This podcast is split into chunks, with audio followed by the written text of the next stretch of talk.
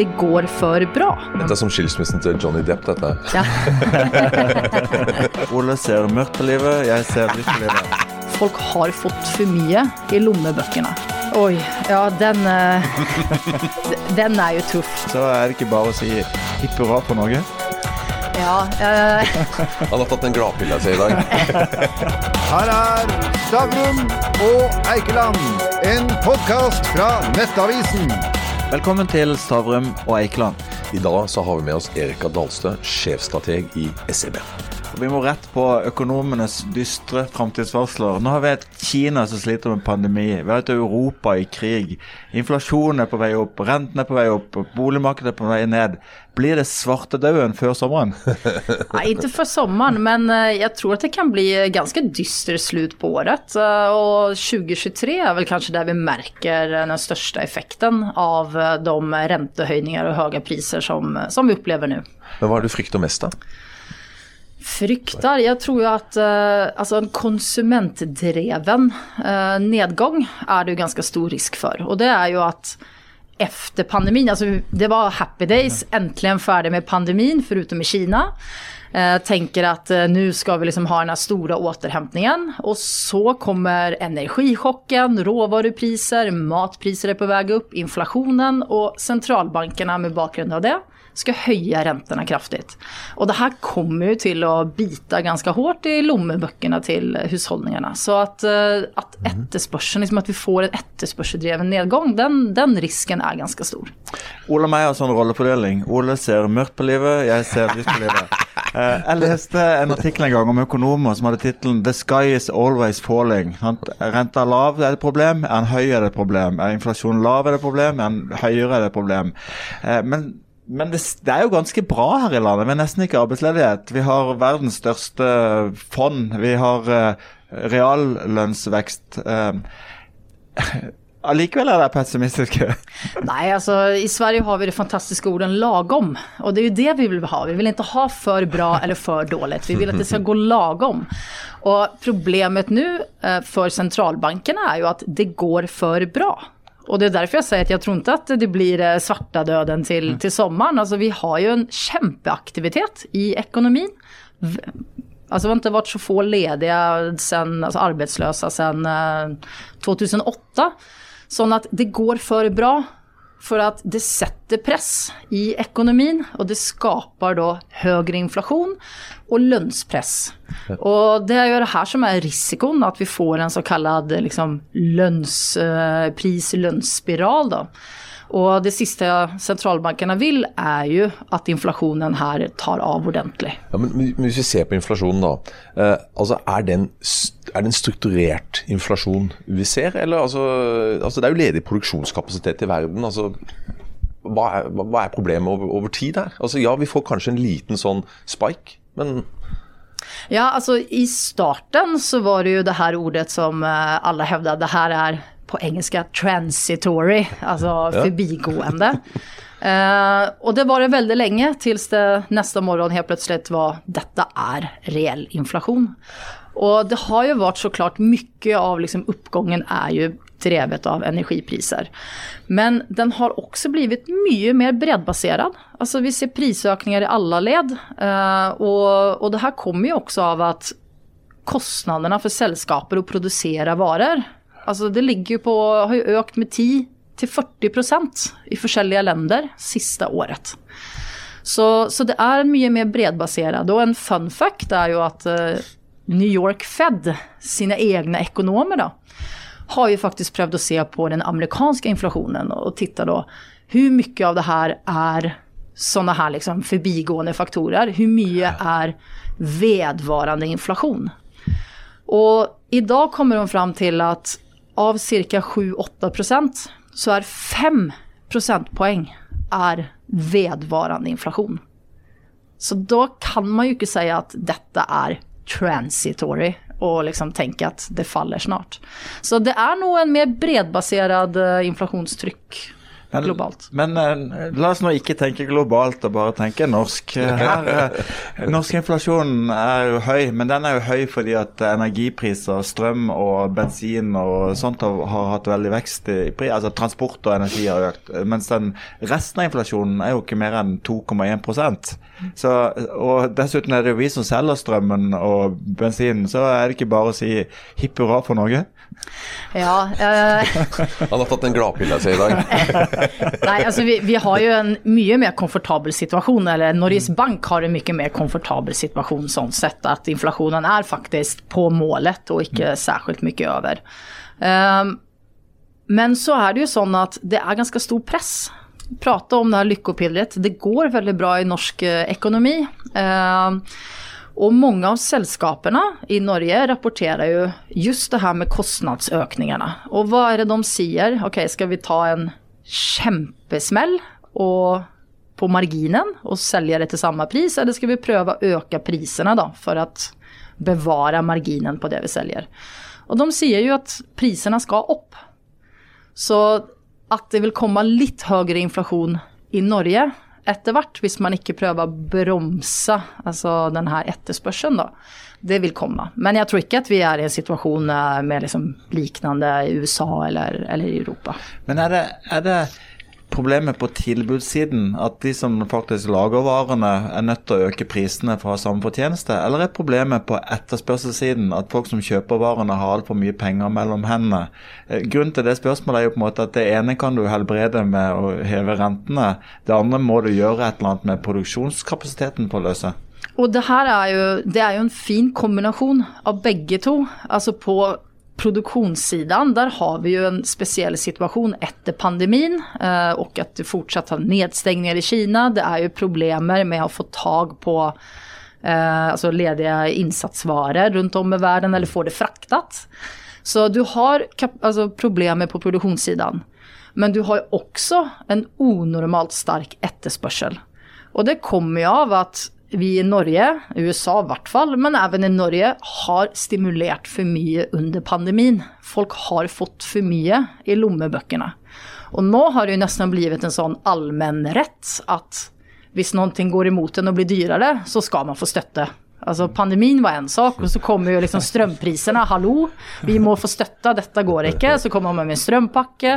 Når bensinprisene begynte å stige, så var det prat om bensinpakke. Og så har vi jo bare börja se oppgangen i matpriser.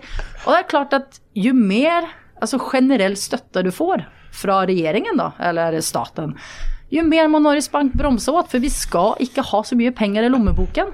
Det er liksom det er, det er hovedpoenget. Det er lett for deg å si, som jobber i finansbransjen og aldri hatt så høye boder som du har hatt nå.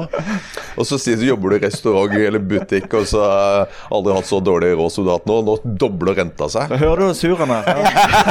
Nei, men det var jo bare så lett Nei, å si for deg. Men, nei, altså det, det er jo litt flåsete sagt med at vi skal ha det sämre. Men, eh, men altså, det som er det du nevner, eh, som ikke går på meg privat, da. uh, men det er jo at et problem er jo at skillnadene mellom folk, altså innkomstgapet, øker. Og det er jo et kjempeproblem.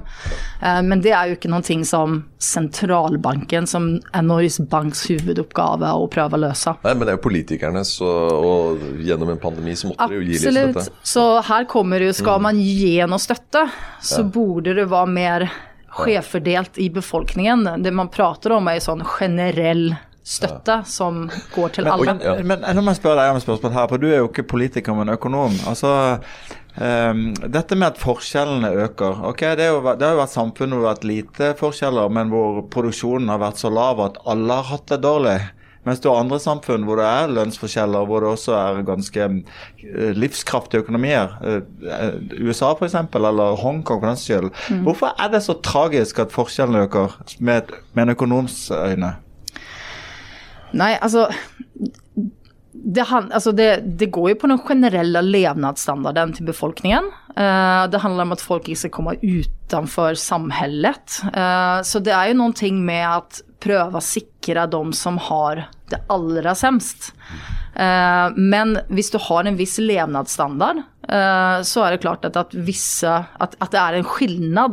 Skal ikke, alle bør ikke være likt. er greit, men det handler jo mer om den Altså jo flere som får det sämre, Eh, det er jo de man må på en måte ta vare på og høye liksom den laveste levnadsstandarden. da. Men Gunnar, det, det begynner med demonstrasjoner, og så blir det væpna revolusjon til slutt. Det er jo det, det store forskjellen. Litt flåsete sagt, men det er det som skjer. Det er, ikke det, det er jo ikke, egentlig ikke det som skjer. For det som skjer, er at når folk får det verre enn de hadde forventet, da, da blir det revolusjoner. Det at folk på en måte får uh, ikke i, At folk opplever at, leve, at uh, det går litt opp og ned, det skaper ikke revolusjoner. Men det interessante er det du påpeker, at, at nå skal jo alle ha har kompensert et eller annet. I disse dager er det jo bøndene som skal ha 10 milliarder, for de skal ha kompensert dyre varer, og dessuten skal de bli eh, tjene like mye som industriarbeiderne. Eh, alle grupper skal ha 3,7 eh, så det er i hvert fall et poeng.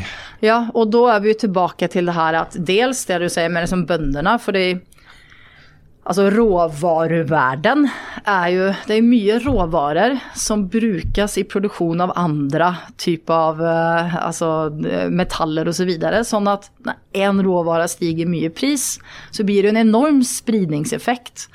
Uh, ref det som bøndene opplever nå, at det er dyrt. Så, og da er vi tilbake til det her at det er litt mer bredbasert inflasjon. For det, kostnadsøkningene kommer i så mange ulike ledd. Um, og så er det jo klart at når nå alle roper etter kompensasjon mm. via lønnsøkninger, det er jo liksom en rød, rød flagge for, for sentralbanken. Mm.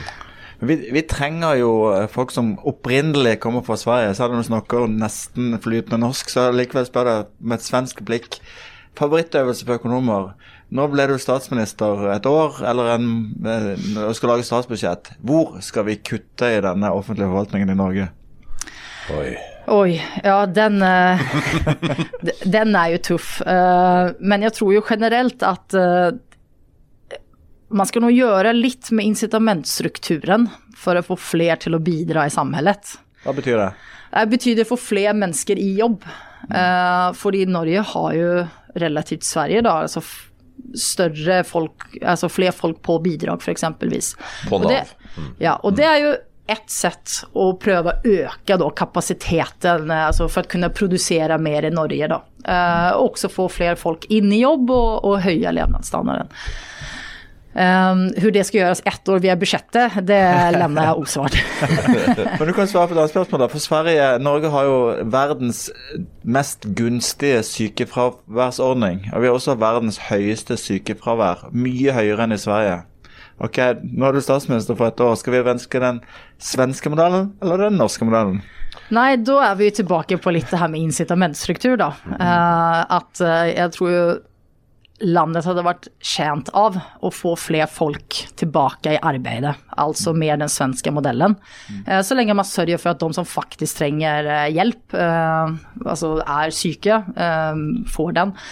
Men det her er jo også, det her er jo så typisk vi ser nå, etter pandemien. Hva skjedde? Svenskene, ikke jeg da, men ganske mange, og polakker og andre flytta jo hjem. Og det er mange som ikke kommer tilbake til Norge. Dels kanskje fordi at lønningene går opp andre steder. at det er ikke like mye å hente med å flytte til Norge og jobbe her, og dels for at andre faktorer da, liksom, med at dette kan skje igjen. Og da ser vi jo at det er ikke nok folk. Altså Bedriftene eh, skriker jo etter folk. Vi, tre, altså, vi, får ikke tak på nok folk eh, til å kunne øke produksjonen. da. Eh, og, og, da er det jo også liksom hvor er nordmennene? I, I, verste fall må vi vel begynne å jobbe også. ja, eksakt. ja. Men, men, eh, nå så vi at uh, Polen var det vel, og Bulgaria skulle bli nekta gass fra, fra, Russland. Er dette bare starten på at hele Europa blir uten russisk gass? Eh, hele Europa kommer. Eh, var uten russisk gass etter hvert. Det er jo et kjempejobb man har startet uh, for å ikke være beroende uh, til Russland, men det vil jo ta tid. Uh, men nå var det russerne som ja, ned, så det var og det er jo fordi at de ikke har fått betalt i rubel, ja. sin lokale valuta. Kan du forklare folk hvorfor det er så viktig? Hvorfor er de så insisterende på at de skal ha pengene i rubler? Ja, altså Problemet nå når man har fryst alle penger og tilganger som Russland har i utlandet. Eh, at de ikke får tak på det. Eh, og så har jo da den russiske valutaen, ruben, falt kraftig. Og nå har man jo ikke tilgang, sentralbanken har ikke tilgang til sine penger, sånn at de kan gå ut og støttekjøpe sin egen valuta. Så det man sier da, at ok, hvis vi ikke kan kjøpe den, da får vel ni andre kjøpe russisk valuta. Altså skal Polen og Bulgaria betale russisk gass i rubel, så må de først selge euro, som er deres valuta, og kjøpe rubel for å betale. Så det er jo en indirekte form som hadde da støttet den russiske valutaen. Så det er litt sånn tanken eh, bak uh, Russlands knep, da, som for så vidt uh, var ganske smart, men nå har jo ikke EU har jo sagt at vi ikke kommer til å gjøre det. Mm. Og men at man da går ut og sier at uh, man skal stoppe gassleveransene, det er jo en form for å vise at dette kan brukes i krigsføringen. Jeg forstår det, men, men nå, nå, var det russerne som starta. Eh, de tok da noen land som kanskje ikke har altfor mye gass. altså Det er jo Tyskland som er den store, store her. Eh, tror du nå at EU bare sier vet du, fuck it, vi bare gjør oss uavhengige med en gang. Vi stenger det ned, og så klarer de å få gassen fra Ok, det går opp, men de klarer å få energien på et eller annet vis. altså Tror du det? For det er jo eh, ja. ja problemet er den Hadde de kunnet det, ja. så hadde de gjort det. Men de får ikke tak på hele den gassen noen annenstans. Russland er som altså, De importerer så vanvittig mye fra Russland at selv om vi i Norge nå øker gassproduksjonen, eh, og man prøver å kjøpe den gass som er le, altså, tilgjengelig i markedet, eh, så er jo ikke det nok. Og man prøver jo nå å bygge opp eh, snabb sånn fornybar energi for å dekke en del av det her tapet, men det tar jo også tid. Sånn at eh, man kommer jo Man har jo sagt at man skal gjøre seg oberoende, minske oberoende med 80 eh, mot slutten av året osv. Men, men det tar tid. Så mm. Gerhard Schrøder for eh, Nobels eh, fredspris, eller noe sånt? eller amerikanerne er jo veldig interessert i å selge flytende LNG. Eh, så De har både på en måte en sikkerhetsmessig mm. interesse, men de har jaggu også en økonomisk interesse av å selge strøm til Europa. Absolutt. Med disse prisene her, så er det noe alle skulle ønske man kunne selge mer. Ja, Norske selskaper vil jo tjene på dette. Ja. Mye... Men jeg tror jo at Og så må vi huske på at dette er jo uh, en viktig innkomst, altså inntektsskille for Russland, Exactly. den gassforskjellingen. Sånn at, at man sier det til, eh, eller at det blir rapportert at man har tenkt det i forhold til Bulgaria og, og Polen, bør ikke bety at man kommer til å stenge kranene til EU.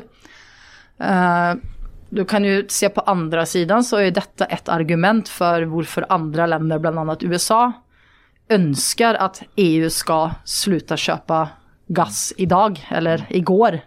Just fordi at eh, det gir inntekter som, som gjør at man kan uh, fortsette krigsføringen. Da. Er, det ikke, er, det ikke, litt interessant når du tenker litt sånn, hvis du hever blikket litt, så Tradisjonelt så har vi jo ment at handel, og spesielt infrastrukturhandel sånn, Du bygger en gassrørledning og du må importere. Det skal i prinsippet være fredsskapende, for du på en måte har fellesinteresser. Og her, her ser vi liksom land som er i krig, samtidig som de kjøper og selger til hverandre. Ja, og det, det, var helt klart det som var meningen også med de her. Altså ser du på de her rørene, da, gassrørene, altså de heter jo Brotherhood, Friendship. Altså det er jo en tanke med liksom mm. Altså at det er et fredsprosjekt også. Og det er, jo et, det er jo et giftermål, altså ekteskap. Du mm. skal bygge en rørledning som skal være der i 30-40 år. Altså, det er jo tanken å være langsiktig, og jeg tror vel kanskje at det er derfor også man ikke på en gang kutter denne typen av leveransen. Eh, altså de her langsiktige kontraktene som man har, eh, for at det skal kunne leve lenge. Da. Men, ja, dette er som skilsmissen til Johnny Depp, dette. Ja. ja. Men hvis vi går litt tilbake til, eh, til Norge. Eh, renta går jo opp nå. Mm. Hvor høyt tror du boligrenta kommer til å, å stige? Ja, altså vi, kan, vi kan jo få boligrenter uh, opp mot 4 uh, eh, Det tror jeg absolutt Høyere enn det? Jeg tror ikke at de kommer så veldig mye høyere enn det. Um, fordi tross at vi ser altså Vi skal tilbake til optimisten. oh, og det er jo at ja, men inflasjonen i Norge er jo tross alt bare 2 uh, altså Norge har jo ikke samme uh, prekära inflationsproblem som för exempelvis USA. Norges Bank är inte vad vi ekonomer säger behind the curve. Mm. Eh, utan uh, man har tid eh, til å få renta opp.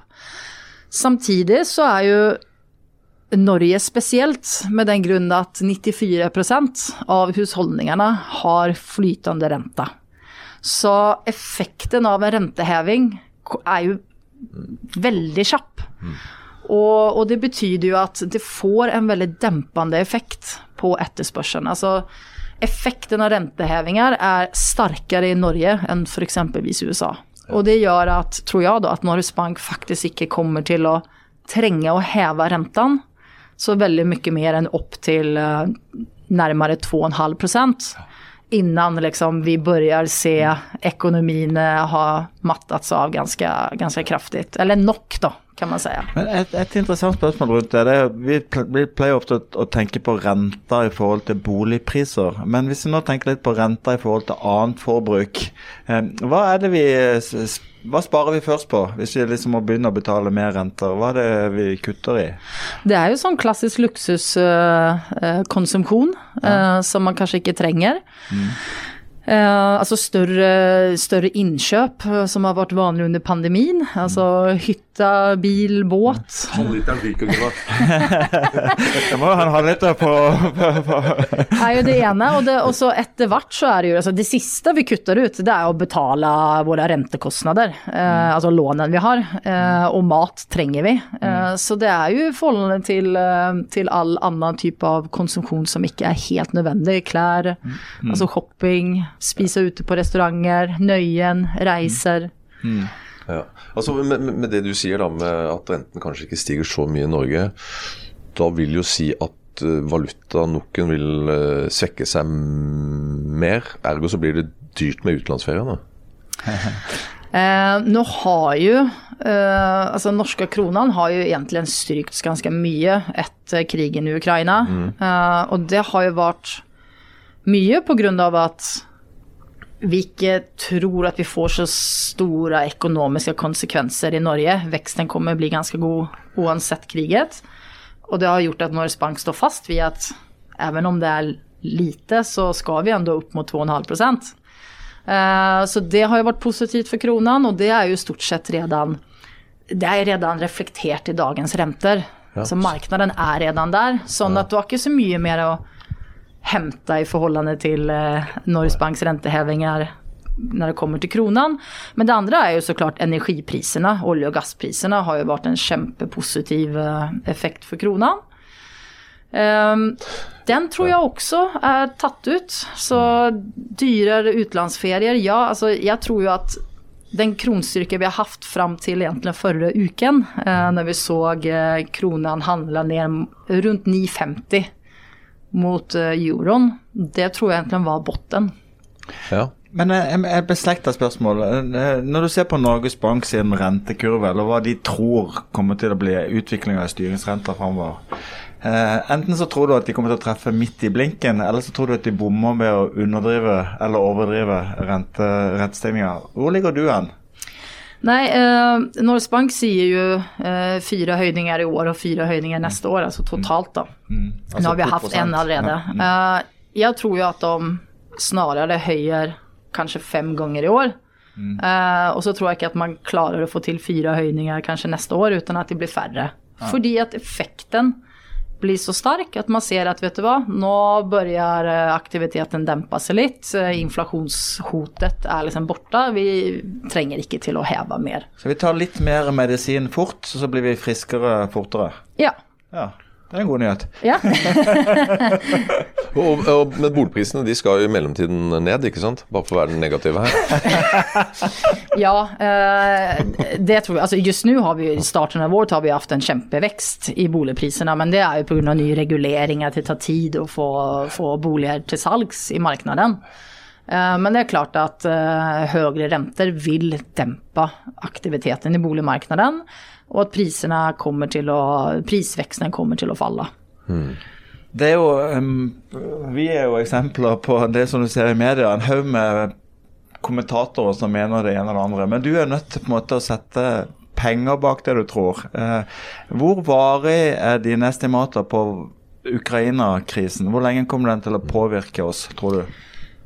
Akkurat den er jo ekstremt eh, vanskelig eh, å, å, ha en formening om hva som rører seg i hodet til eh, Putin. Uh, det tror jeg, Så, så ødmjuk skal man være å si. Uh, men det jeg tror, når vi prater litt sånn renta, norske kroner og det, Jeg tror kanskje ikke nå altså Hvis det ikke eskalerer, da, som jeg ikke har i mine prognoser, så er det kanskje ikke Ukraina-krigen uh, som er liksom det store for markedene.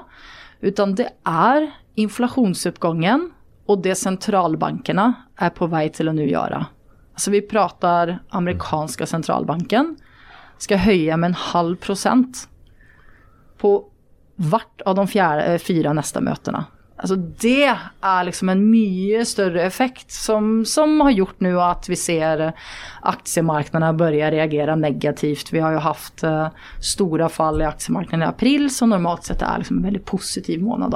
Jeg tror at denne inflasjons- og sentralbanksbiten, uh, samtidig som Ukraina-krisen gjør at vi får lavere vekst, så låg vekst, høy inflasjon, det er på en måte det som jeg tror er mer dominerende. Mm. Og det ordet vi ikke har hørt på om tiår, stagflasjon, ja. det er skrekkscenarioet.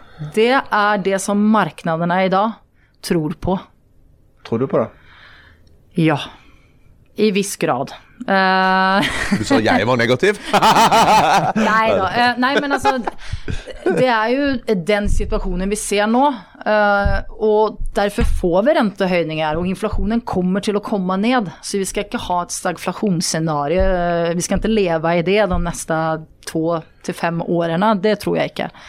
Og for, Men, for, å oversette så betyr jo det på en måte at prisene og lønningene Prisene bare øker og øker uten at vi har vekst i økonomien. Og vi mm. får uh, arbeidsledighet og tenk 70-tallet i Storbritannia.